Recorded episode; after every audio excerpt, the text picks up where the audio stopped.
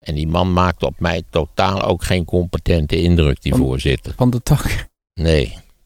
Het zal aan mij liggen, maar ik, ik dacht bij mezelf, dat wordt niks met die van de takken. Waar lag, waar lag dat dan aan? Aan de hele klunzigheid die dat drietal uitstraalde. Het verlossen, kunt u mij horen? Ja, toch nog een gekke dag eh, maandag in Moskou. Openbare leven lag voor het grootste gedeelte stil. Poetin die was eh, ondertussen met eh, de top van het leger bij elkaar om te overleggen. Hij heeft ook een verklaring gegeven waarin hij eh, het Wagner-huurlingenleger prijst. Hij zegt, jullie hebben de enige echte juiste keuze gemaakt door die opmars te stoppen. En van Prigozhin ja, horen we eigenlijk niets meer. Hij heeft nog de groeten gedaan. Maar ja, wat er nou precies is afgesproken en of hij echt in Belarus is, dat blijft nog een beetje gissen. Ja, ik blijf, ik blijf heel benieuwd naar wat, wat precies eh Prigozhin eh, zal eisen. Dat, dat is voor mij eigenlijk het punt van, eh, wat, wat wil die precies? Ja. Ja, ik ga ervan uit dat hij niet, niet zich dood gaat vechten tegen grote eenheden van het Russische leger. Ja.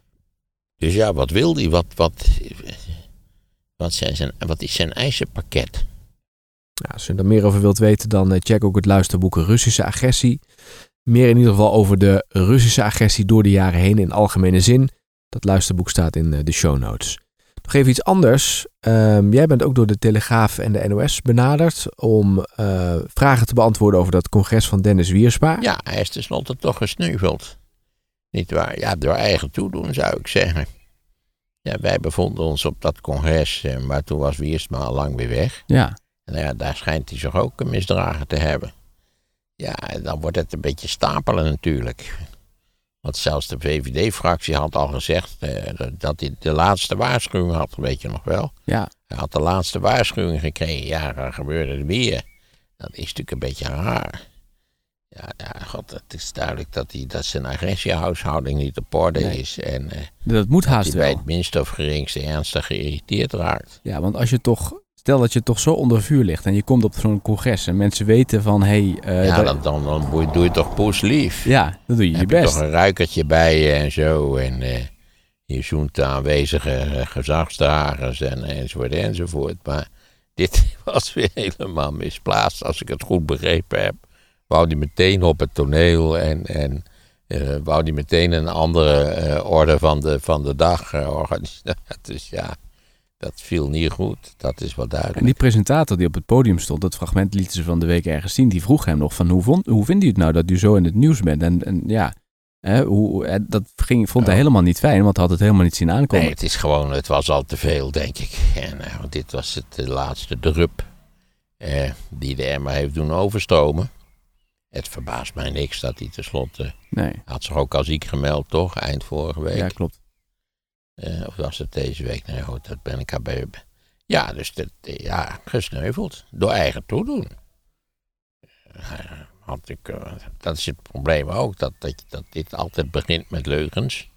Namelijk, het was een incident en het, was, zou niet eerder, was niet eerder voorgekomen. En toen bleek natuurlijk dat hij als Kamerlid, staatssecretaris, eigenlijk al een hele sleep van dit soort van incidenten met zich meetrok.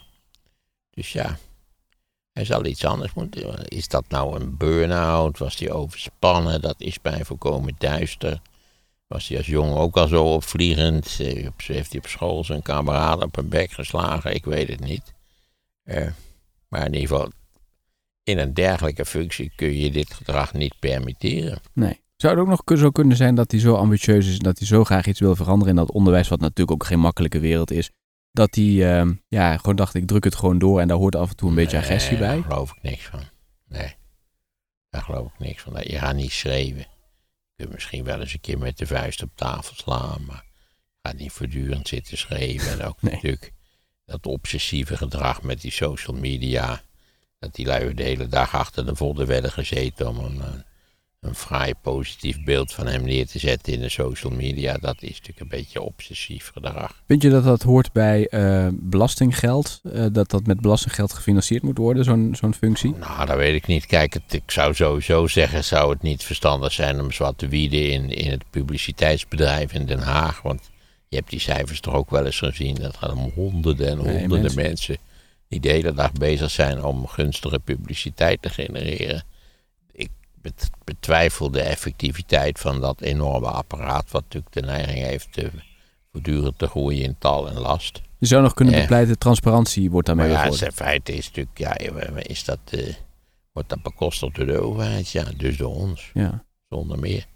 Het is denk ik wel uit de hand gelopen en bij hem zie je dan nog weer een, nog weer een verder stadium van uit de hand lopen. Ja.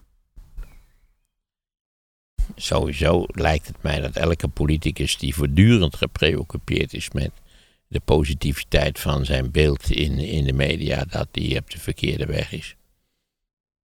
Hij werd toch ook wel geroemd, hè, Wiersma? Door sommigen en door anderen helemaal niet. Kijk, dat er ongelooflijk veel mis is in het Nederlandse onderwijsveld. Ik bedoel, dat eh, is zo klaar als een klontje. Er zijn weinig mensen die dat bestrijden. En vooral ook natuurlijk omdat uit objectieve cijfers blijkt... Ja, dat de effectiviteit van met name ook ons lager onderwijs heel beperkt is. En eigenlijk steeds slechter en slechter wordt. Dus vraag je af, hoe komt dat? Hoe komt het dat vroeger beter was? Was het vroeger beter georganiseerd? Werden er vroeger andere methodes gebruikt? Eh, nou ja, tal van vragen die, ik zou zeggen, nogal voor de hand liggen. En die wel, wel leuk, waarvan het leuk zou zijn als ze beantwoord zouden worden. Je begrijpt dan waar dat in mijn geval toe tendeert.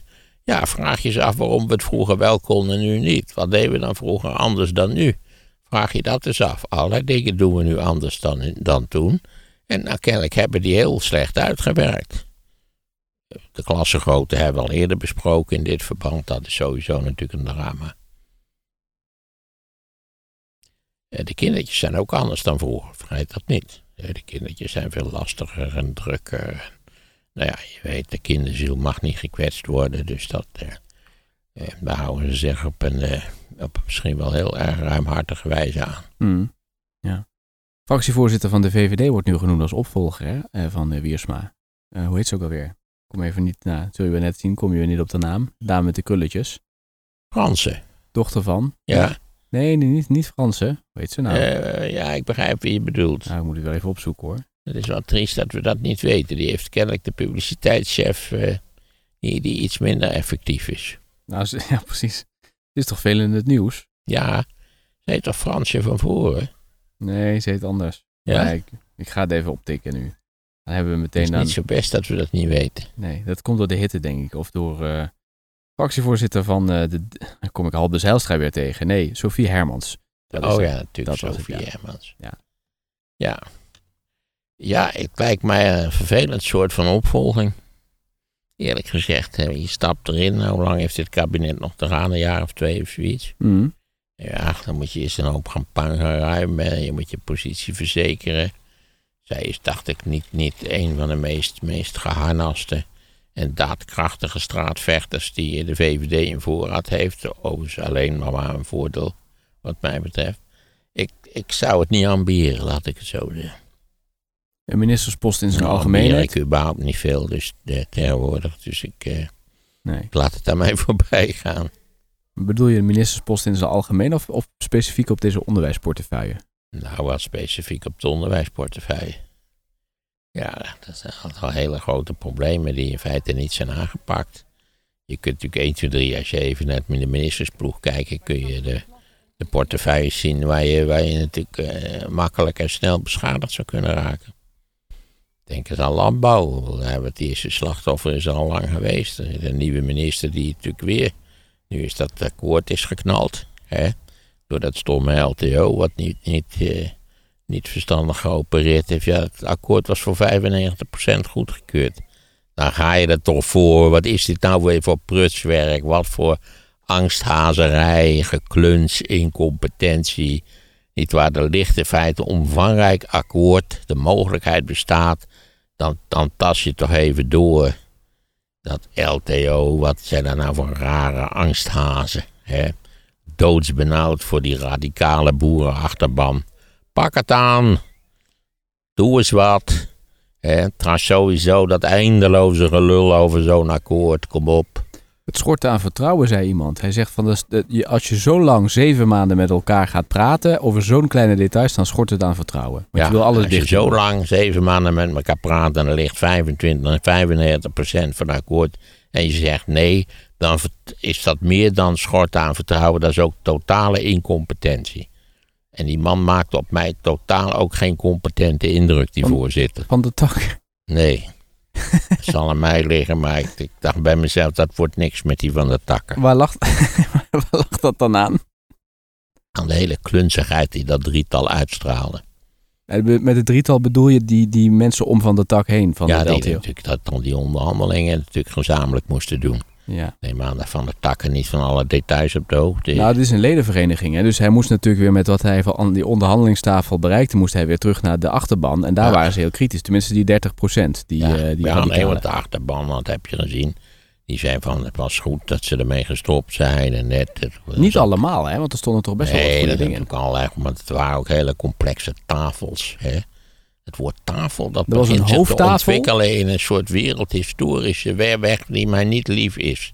Dat je zelf zegt, we gaan aan tafel zitten, dat je al direct denkt aan talkshows, eh, onderhandelingen in de landbouwsector. Dat je denkt, ik heb al de honger, vergaat mij als ik aan tafel moet gaan zitten. Want dat zeggen ze ook bij de talkshows, hè, een leuke tafel. Vreselijke term ook weer. Ja. Vreselijk. Maar bij dit akkoord hadden ze een Net als hoofdtafel. opiniemaker. Ook, dat is ook zoiets verschrikkelijks. Dat ben jij wel een beetje. hè? Ja, maar dat wil ik absoluut niet zijn, opiniemaker. Wat een, wat een ongelukkige woordcombinatie vind ik dat. Maar nog even terug, terug naar het landbouwakkoord. Je had dus die hoofdtafel en allemaal, ja, wat zijn dan, zijtafels. Ja, ja, ja, ja. En daar ging het geloof ik wel redelijk. Hè, hè. Want er zaten ook natuurorganisaties. Iedereen die erbij betrokken was, die moest erover Er was best vrij veel consensus. Maar goed, als er 95% ligt, dan zeg je... en je hebt er maanden over zitten lullen, dan zeg je ja. Dan moet ook tenslotte natuurlijk iets gebeuren. Nou, ik vond de oud-voorzitter... Bovendien eh, verlies je nu je greep op het proces natuurlijk. Ja, Want de overheid zal zeggen, ja, je kunt verder de pot op... maar nu gaan we onze eigen maatregelen nemen. Piet Adema, de minister, die zei van ja, ze moeten nu niet denken dat eh, omdat we op die punten akkoord hebben, dat we daar dan wel op voort gaan borduren. Nee, we gaan nu zelf kijken wat we willen. En dat kan Dan vrij- laten ze toch eindelijk die stikstofboel eens aanpakken. Ja.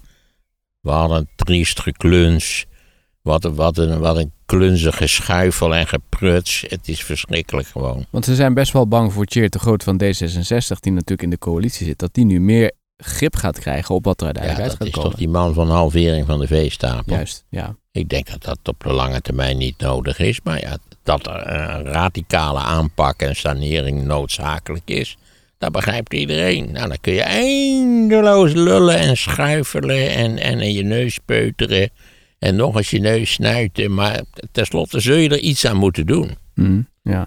Al is het ook maar op basis van allerlei akkoorden en beloftes die door de overheid zijn getekend en gedaan. Ja, vanuit Brussel bedoel je onder andere. Ja. ja, ja, ja.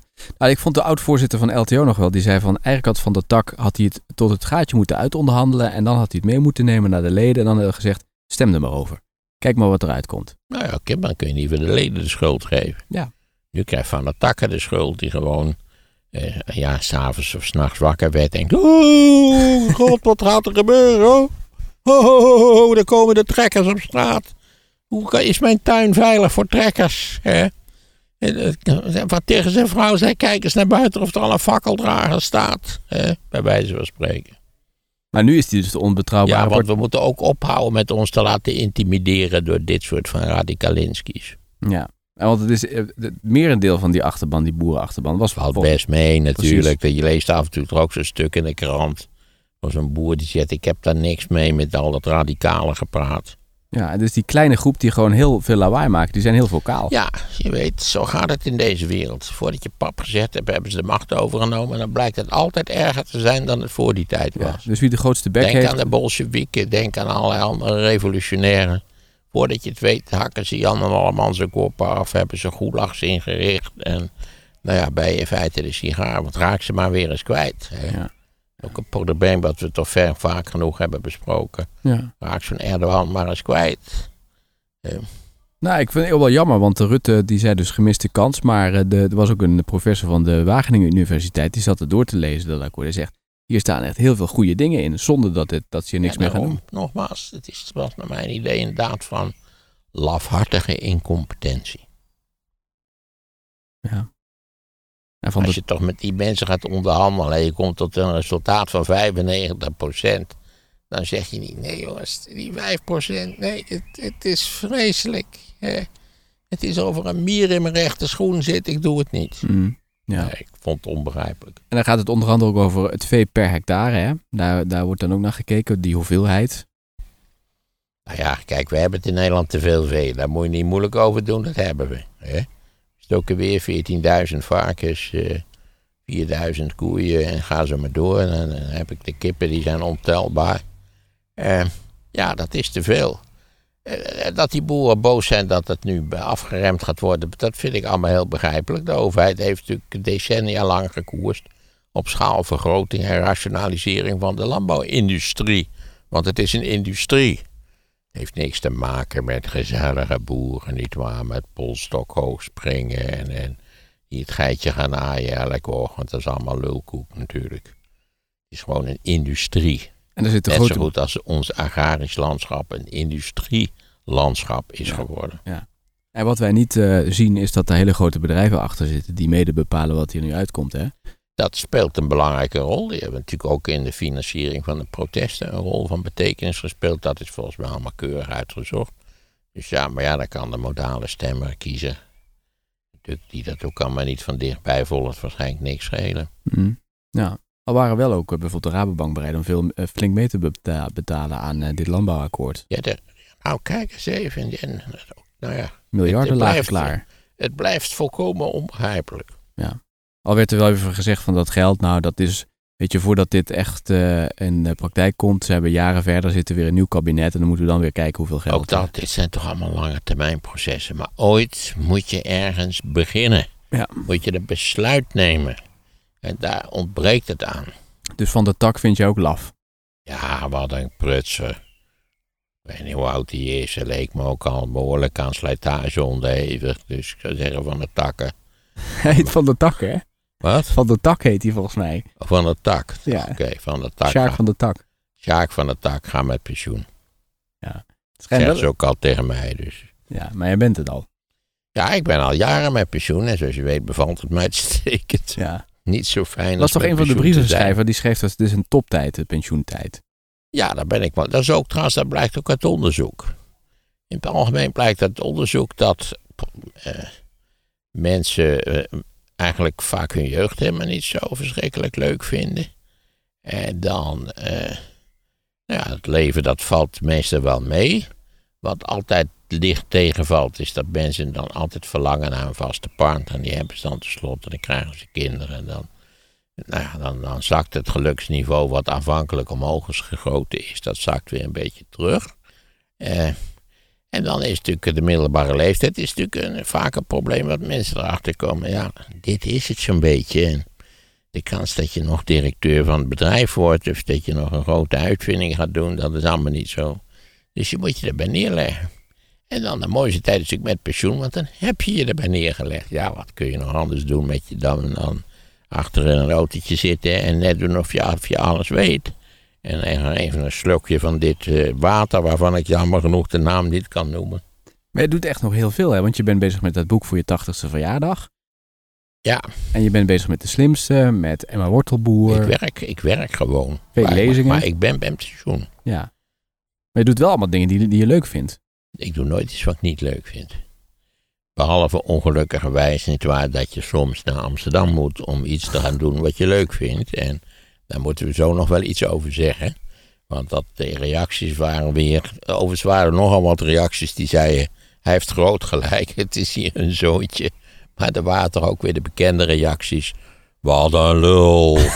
Kan hij niet in het openbaar vervoer? Wat een zeurkous. De, de, de- hoe heet het? eh, de Felix Meritis is heel gemakkelijk te bereiken met het openbaar vervoer enzovoort. Daar wil ik dus zo nog wel iets over zeggen, eerlijk Ah, gezegd. dan mag het ook meteen doen. Oh, laten we het meteen doen. Ja. Overigens, het is ook wel gek. Ik zit, daar nu, ik zit gewoon in mijn eigen straat te kijken. En dat is best een leuke straat Ja, dit eigenlijk. is een hè? supermooie straat. Moet ik echt zeggen, met die mooie bomen.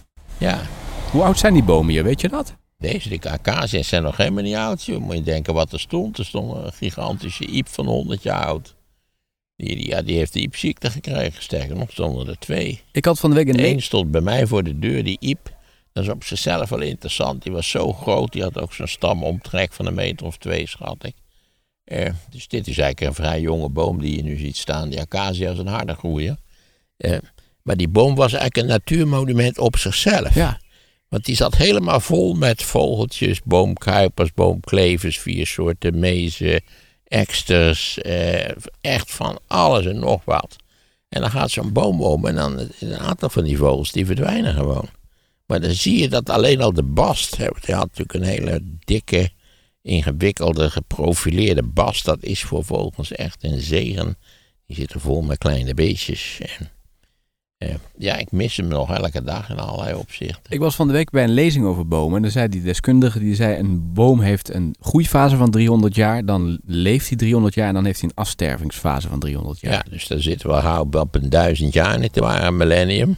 Maar veel bomen in de stad halen dat niet. Ik denk dat de oudste stadsboom in Nederland, nou, als die, als die 150, 200 jaar oud is, is het veel, schat ik. Stadsbomen hebben veel te lijden natuurlijk, dat ze normaal niet hebben. Ik denk dat je in het vrije veld, je hebt in Limburg zo'n boom die ik meen inderdaad 900 jaar oud is. Dat is volgens mij een iep, waarbij ook zeg maar de oorspronkelijke iep eigenlijk niet meer leeft, een soort omhulsel is en daarin is vanuit natuurlijk dezelfde wortelconstructie neem ik aan een jonge iep ont, ont, ontpopt, hoe moet je dat zeggen, eh, ontschoten. Eh, en die, dat, dat hele complex is 900 jaar oud. En je hebt in, eh, bijvoorbeeld bij kasteel Amerongen, daar heb je een paar hele indrukwekkende eiken. Die zijn van de late 17e eeuw. Dus die zijn in feite nu 17, eh, nou ja, die, die, die zijn minstens 250 jaar oud. Er staat ook al een bordje op dat ze met zorg behandeld worden. En, nou, maar zijn, eh, als je dus een dikke, dikke eik wil zien, ga daar kijken. Ja. Merk jij hier ook de verkoeling door de bomen? Want het staat garant voor zoveel airco's, hè, één zo'n boom. Dat schijnt zo te zijn, maar ik vond het of ik heb eerst boodschappen gedaan. Vond het nog vrij warm al met al. Ja, morgen nog warmer. Eh, is dat zo? Ja, je ziet, als je even kijkt naar mijn studeerkamer, zie je dat ik het gordijn dicht heb gedaan. Oh ja. Om die instraling te voorkomen. En ik heb de, de, de, de airco staat aan. Maar was dat wat je wilde vertellen over jouw straat? Want je zei, kijk mijn straat in. Nee, nee, het was iets wat. wat eh, heb je dat nooit dat je even plotseling iets ziet van jezelf of, of waar je bent? En dat je dat alsof je ineens afstand neemt daarvan. Dat je buiten jezelf keert. Nou ja, zo, zo dramatisch is het nou ook weer niet. Maar dat je, dat je plotseling objectiveert eigenlijk de situatie. Ja, ik kan me En dus al objectiverend en door dat hoofdsteuntje van jou heen kijken, dacht ik, wat een leuke straat is het Ja, toch. dit is echt een hele mooie straat. En er zijn dus ook mensen die als ze in Utrecht zijn hier even doorheen wandelen. Omdat wij het dus noemen, hè. Frans Halstraat in Utrecht. Ja, het is Hele een mooie leuke straat. straat zonder meer. Ja. Ja, die pedaan, die, sorry, die acacia's aan het begin, die zijn er vrij beroerd aan toe. Maar goed. Ik vind trouwens ook, we hadden we het laatst over, dat als je dus hier de hoek om gaat, je bent zo in het Wilhelminapark en in het centrum van de Ja, stad. het is natuurlijk eh, van hier naar het begin van het Wilhelminapark is nog geen 100 Ja. meter. Echt een hele, hele fijne, leuke plek in de stad. Zeker. En geen festivals hè, in, de, in het Wilhelminapark. Godzijdank. Want in Lepelenburgpark was weer een of ander eh foodtruck festival of iets met een kermis of iets dergelijks. Druk festival, dan weet je het ook al. Maar ook hier volgend jaar de mensen van opruimen hebben moderne Nederlanders geen verstand. Ik weet, dit is opa verteld, maar eh, vroeger was het ook alweer vroeger van eh, laat, bij, mhm, laat niet de schillen en de dozen als rest van het verpozen zo. Nou goed, maar het is een heel ingeding. Waarom zou je je rotzooi niet gewoon opruimen? Neem desnoods zelf een, een vuilniszak mee of zo. Je laat het toch niet gewoon overal liggen, je zooi. En vaak zijn die, zijn die brave prullenmandjes die er staan, zijn dan vol na zo'n warme dag. Ja, ik zou zeggen, dan, dan leg je toch niet alles op een hoop eronder. Met alle gevolgen van die natuurlijk. Omdat dat zich vanzelf, vanzelf weer verspreidt. Maar goed, dat wou ik allemaal helemaal niet zeggen. Dit allemaal naar aanleiding van het feit dat ik door jouw hoofdsteun heen naar mijn eigen straat kijk. Want ik wou iets zeggen over eh, de verwijten in mijn richting dat ik. Wat een, wat een sufkop, wat een zuurkous. Openbaar vervoer, dat is de, het antwoord op dit soort van problemen. Wie wil er nou met een taxi naar Amsterdam? Daar ben je sowieso al geestelijk gestoord. Elk normaal fatsoenlijk mens gaat met het OV naar Amsterdam. Heel makkelijk te bereiken, absoluut geen probleem. Goed. Er was ook iemand die zei in de jaren 70 was dit al hetzelfde, hè? dit probleem om met de auto naar Amsterdam te gaan. Daar zit wel iets in, ja. Maar in ieder geval was het eh, twintig jaar geleden al zo dat je nooit een parkeerplaats kon vinden in Amsterdam. Dat vaak ook tot mijn stomme verwondering. Ik haat parkeergarages, maar die waren vaak ook vol. Het, het, nou ja. Kortom, maar eerst even in algemene zin. Daar hebben we het al eens eerder over gehad. En het is een van mijn favoriete negatief gestemde onderwerpen. Dat is namelijk de linkse illusie, want het is vooral een linkse illusie. Dat met het OV, dat het OV zo geweldig is dat je eigenlijk de auto helemaal niet nodig hebt. Dat die auto eigenlijk een zinloze, luxueuze verspilling is. Maar het OV is helemaal niet toegesneden op oudere mensen die bijvoorbeeld met een stok of een kruk lopen of die met een rollator lopen. Hè? Laten we eens even aannemen dat ik ben, een, dat ik ben, ik kan, ik ben nog redelijk ter been. Hè? Maar stel voor dat ik met een, een kruk loop en ik zou moeten gaan spreken in Felixmeer, het is in Amsterdam. En op advies van al die bedweters, niet waar, in de sociale media, zou ik met het openbaar vervoer gaan. Dan moet ik eerst hier op lijn 8 stappen. Ik moet op tijd zijn, dus ik sta er zeker wel 5, 6 minuten te wachten tot lijn 8 komt. Dan moet ik naar het station. Volgens jou een kwartier, volgens mijn berekeningen minstens 20 minuten. En dan moet ik in het station moet ik uit lijn 8 met mijn kruk op een roltrap. En dan zeg je, ja, roltrap, ik bedoel, dat is voor elk jong, normaal bewegend mens de normaalste zaak van de wereld. Ze zien niet eens dat het een roltrap is. Hè? Maar voor iemand met een, met, een, met een kruk of eventueel met een rollatortje is dat natuurlijk een enorme hindernis. Dat, Dat is ook een lift. Sterker nog, voor mij is het al een hindernis, want ik sta toch beneden en denk, oeps, ja, mijn voet erop en dan naar boven.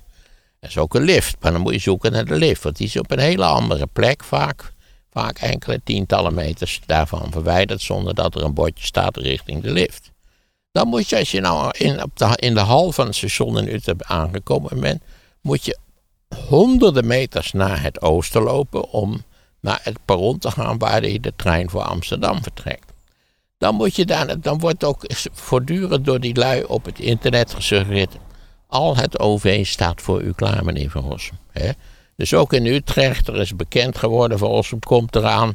Laat de houten trein even tegen tot hij zo meteen zo door kan lopen erin. Nee, zo werkt het helemaal niet, meneer. Je moet wel even wachten als er al een trein komt, als die al niet te laat is. En dan ga je in de trein. Mijn ervaring is dat het vaak zo vol is in de trein dat je ook met je eerste klas OV-kaartje moet staan op het balkon.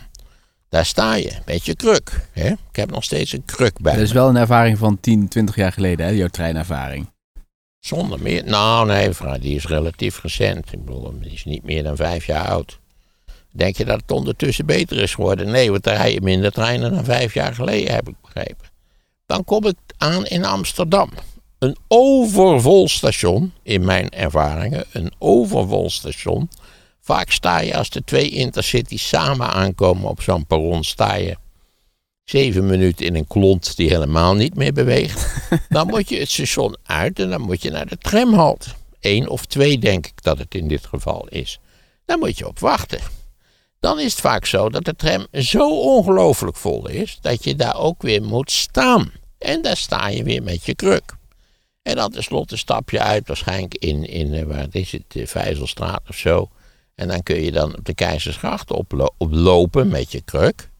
Hoe lang duurt dit allemaal? Zullen we eens wat zeggen? Een half uur, drie kwartier. Dus dan zitten we nu op eh, één uur en een kwartier. Dan moet je weer wachten, dat is nog een kwartier. Dat is anderhalf uur. Dan nog in de tram, eh, dat was geloof ik een, kwartier. Dan ben je, bent zonder, voordat je het weet, met wachttijden ben je twee, ben je twee, tweeënhalf uur kwijt. Om van hier te komen naar je adres in Amsterdam. Een taxi onder normale omstandigheden in een stad die althans het minimum aan autoverkeer faciliteert, die doet daar in totaal 40 minuten over op zijn best. Eh, Denk je nou werk dat iemand, ik heb nog net gezegd, ik werk nog. De, en want wacht even, wat nog niet vermeld werd door al deze ongelofelijke AOV-adepten, is je moet weer terug. Hè? Hetzelfde van hetzelfde laken en pak. Je moet weer terug eerst in die klote tram die vol is. En dan moet je dus hier door die menigte boksen daar op het Centraal Station. Dan moet je in de trein naar Utrecht. Hopelijk, hopelijk kun je zitten. Zeer de vraag. En dan moet je in Utrecht weer dat hele eind lopen naar lijn 8. En dan moet je met lijn 8 weer terug hier naartoe. Wat ook nog een hele tijd duurt. Dit, dit is simpelweg volkomen irreële kletspraat. Niemand gaat 2,5 uur reizen om een spreekbeurt in Amsterdam van een half uur te verrichten. Ik zou dus volgens deze meneer, want het was een meneer van bescherming van de Amsterdamse binnenstad of een soort van zo'n dingetjes. Je bent al heel gauw vijf uur kwijt om een half uur te spreken. Is dat realistisch? Nee. En nogmaals, nu mensen die moeilijk ter been zijn. Tachtigers, ik ken massa's tachtigers die allemaal moeizaam lopen of beperkt. Ja, je hebt er ook bij, nietwaar? Zo kwik als een konijn, maar dat zijn er niet zo verschrikkelijk veel. Het OV is geen oplossing voor de oudere wordende babyboomers. Daar moet je zorgen, als je dat wil, als je zegt het moet autoluw allemaal, prima, autoluw. Maar dan moet het OV ook wel een zeer grondige, totalitair werkende opknapbeurt hebben. En niet zoals nu, maar heel partieel functioneren. Wat denk je van al die bushaltes die gesloten worden? Er was ook nog een man die zei, misschien moet je met het bootje gaan. Alles is goed per boot eh, bereikbaar. Ja, dan moest je ook eerst naar Amsterdam-Noord en dan kon je met een bootje of zo. Maar nou, dat leek me ook al vrij complex allemaal. Dus dat ga ik ook helemaal niet. Nee, het is toch de normaalste zaak van de wereld dat je met een taxi naar, naar je spreekadres gaat. Dat is, heeft gewoon te, te maken met rationaliteit, met werken. Met normale mensen die normale dingen doen. Ja. Geen mens gaat om een half uur te spreken en Felix Meritus in totaal vijf uur in het OV zitten. Ja. Het OV in Nederland is helemaal niet zo geweldig. Sterker nog, de trams in Wenen rijden met aanzienlijk grotere frequentie, Ik kwam ook nog in een reactie. denk ik. We hebben op die podcast veel reacties gehad. Ook eh, van een man van Philips. Die zei, al mijn medewerkers vinden ook hetzelfde. Maar de baas heeft verboden om te, te zeuren over, eh, over eh, hoe slecht het per auto Ja, bereikbaar maar is. het feit is natuurlijk dat Philips volgende keer een besluit moet nemen over een vestiging. Dat hij zijn kantoor niet in het centrum van Amsterdam vestigt. Ja, ze zitten in Zuid volgens mij hè, met die toren. Ja, dat is Zuid is heel wat anders, want daar heb je heel vaak natuurlijk een fors parkeerterrein bij. Ja. Kijk, zodra er een fors parkeert, dat heb ik toch ook gezegd. Als je een conferentie wil houden, kijk dan eh, in de buitenwijken. Ja. waar ruime parkeermogelijkheden Nou, zijn. daar ben ik wel met je eens. Want het is vanuit hier is het naar Zuid is het denk ik inderdaad half uur, drie kwartier. Maar je moet als je aan de rand van de stad bent, moet je zeker nog een half uur moet je erbij rekenen om echt op je locatie in het eh, centrum Nou, te zeg komen. maar heel wat meer dan een half uur. Zeker wanneer je dus de hele stadshouderskade afsluit. Ja. ja, ja, ja. ja. Ja, en na al dat gevogel, nietwaar, met dat, eh, met dat systeem... waar we tenslotte eindelijk op die keizersgracht gearriveerd... Staat dat, eh, is de boel simpelweg zonder enige bord... zonder enige verklaring afgesloten met vijf pilon, pilonnetjes. ja. Dus je was best wel boos door de reacties die je gelezen Nou, hebt. ja, ik was wel boos over de reacties. En laat links nou eens ophouden met dat gezeik... dat alle problemen opgelost kunnen worden met het OV. Het OV in Nederland, sorry, is voor tachtigers die moeilijk lopen... nietwaar, die niet meer jong zijn... een heel vervelend systeem. Anders kan ik het niet noemen. Tijdrovend, complex en onaangenaam. Was wel ook iemand, in, iemand die dacht dat klopt. In Utrecht is het ook niet makkelijk om met de auto in het centrum te komen. Ja, sterker nog, het Utrechtse centrum rond het station is natuurlijk een, is een van de meest succesvolle doolhoven die ooit in de wereld georganiseerd zijn. Ik ben nog eens om 11 uur s'avonds verdwaald. Ik kon er gewoon niet meer uitkomen. Met je auto. Ja, ze, hoe lang zijn ze daar al bezig? 100 jaar. Ongelooflijk werkelijk. Dat was een paar jaar geleden we ineens de boodschap. Het ging nog drie jaar langer duren. Ja. ja, als ik denk als we vanuit hier, dus van de Frans Halstraat naar het centrum willen, zijn we zo ook eh, een half uur onderweg. Als ik mensen naar het station breng, wat ik een enkele maal doe, dan Met de ben je dus auto? heen en terug ben je twee keer een kleine drie kwartier kwijt. Dus dat ben je dus bijna anderhalf uur kwijt. Ja. Dan zijn er mensen die als ze op tijd in hun trein zijn gestapt, die zijn al in Eindhoven, bij wijze van spreken. Ja, dan ben ik weer terug hier met de auto in de straat. En dan heb ik moeite om te parkeren. Maar, maar vind je dat goed beleid? Want het is natuurlijk allemaal bedoeld om minder mensen met die auto daar naartoe te sturen. Daar ben je, ben je het dus niet mee eens. Ik begrijp best dat je de binnenstad van Amsterdam autoluw wil maken, maar begrijp de consequenties dan. Dat betekent dat je openbaar vervoer tip-top georganiseerd moet zijn. En niet alleen het openbaar vervoer met de tramlijn 1 naar, naar de Wijzelstraat of waar dat ding heen gaat. Ja. Maar dat betekent ook dat je aanvoer dat die ook tip-top georganiseerd moet zijn. Dat is in Nederland niet zo. Ja. Het openbaar vervoer, het OV in Nederland is prima voor jonge mensen, scholieren, mensen die goed ter been zijn. Maar niet voor mensen met omlators of die met een kruk lopen, desnoods al met een wandelstok, die de 80 naderen. Eh, daarvoor is het niet geschikt. ja. Er waren ook Je luister... kunt het geschikt maken, maar dat is een enorme opgave. Ik weet niet precies wat je dan moet doen, maar dan moet je echt, dan moet je echt een, een, een reeksen van maatregelen nemen. Ja. Het is natuurlijk ook inherent aan OV dat het niet het comfort biedt wat een auto biedt. Ja, misschien nog een leuke... Ik ben ook het idee dat je de auto helemaal kwijt kunt, hè, is een illusie. Dat zijn linkse kletspraatjes. Je zult het niet zonder. Wat trouwens, wat betreft de aanvoer van goederen in de Amsterdamse binnenstad. Staan die, staan die vrachtautootjes of die bestelauto's daar ook eindeloos in de file? Hè, kunnen die ook hun, hun met passend adres niet bereiken? Je zult op die middag dat ik ging spreken, maar met je bestelautootje op de Keizersgracht moeten zijn. Dan ben je goed de klos. Eigenlijk rij je die gewoon dwars door die klote pilonnetjes heen. maar goed, eh, ja, het, is. eh, nogmaals, onze auto, onze samenleving is natuurlijk al decennia in allerlei opzichten sterk toegesneden op autogebruik. Dat kun je best wel iets verminderen, maar de illusie dat je helemaal zonder kan, is gewoon linkse onzin. Er waren ook mensen die zeiden van... wat zonde dat jullie een half uur eh, mopperen over Amsterdam. Je kunt, je kunt de zendtijd wel beter besteden. Ja, dat is ongetwijfeld de feit. Nu hebben we weer een half uur gemopperd. Niet over Amsterdam, maar over een veel breder probleem, namelijk de babyboomers en, de, O- en het OV. En dat is gewoon een fors probleem. Nou goed. Misschien zijn er mensen En die... bovendien, ja, als wij zin hebben om te mopperen over Amsterdam, dan doen we dat toch? Ja, dat is ook zo. U kunt het toch uitzetten? Ja, of, nou, ja, of je gaat lekker naar, eh, naar iets anders luisteren.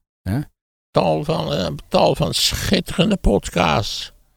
Ik weet niet welke, maar goed, ze zijn er. Even, ehm, wat wilde ik daar nu nog over zeggen? Ehm, Amsterdam, Utrecht, nou, ik weet het niet meer. Ik wilde nog iets aanstippen. Ja, oh het, ja, is, het is gewoon poepie druk in de Randstad. Dat er is misschien iedereen. nog wel een stad waar het wel goed gaat met ouderen in het OV. In, ergens ter wereld. Hè? Misschien zijn er luisteraars die daar voorbeelden van Dat eh, zou kunnen. Dat zou kunnen. Tot zover deze aflevering. Eh, vergeet je niet te abonneren en laat een recensie achter als je deze podcast leuk vindt. Ook als je hem niet leuk vindt trouwens, laat het vooral weten. En eh, wij zijn er de volgende keer weer. Wat een triest gekluns. Wat een, wat, een, wat een klunzige schuifel en gepruts. Het is verschrikkelijk gewoon. Een gloednieuw luisterboek staat voor je klaar. Maarten van Rossum vertelt drie kwartier lang over de nieuwe wereldorde die ontstaat door de oorlog in Oekraïne. Ja, dat zou natuurlijk enorm lollig zijn als we dan een tijdelijke, verstandige dictator zouden kunnen benoemen. Ik denk in dit verband natuurlijk altijd aan mezelf. De nieuwe wereldorde door Maarten van Rossum. Het luisterboek download je nu via de link in de show notes. En wil je nog een podcast luisteren? Luister dan nu naar de aflevering over de superbatterij, die je met één keer laden van Amsterdam naar Zuid-Duitsland brengt. Je luistert de aflevering nu via de link in de show notes.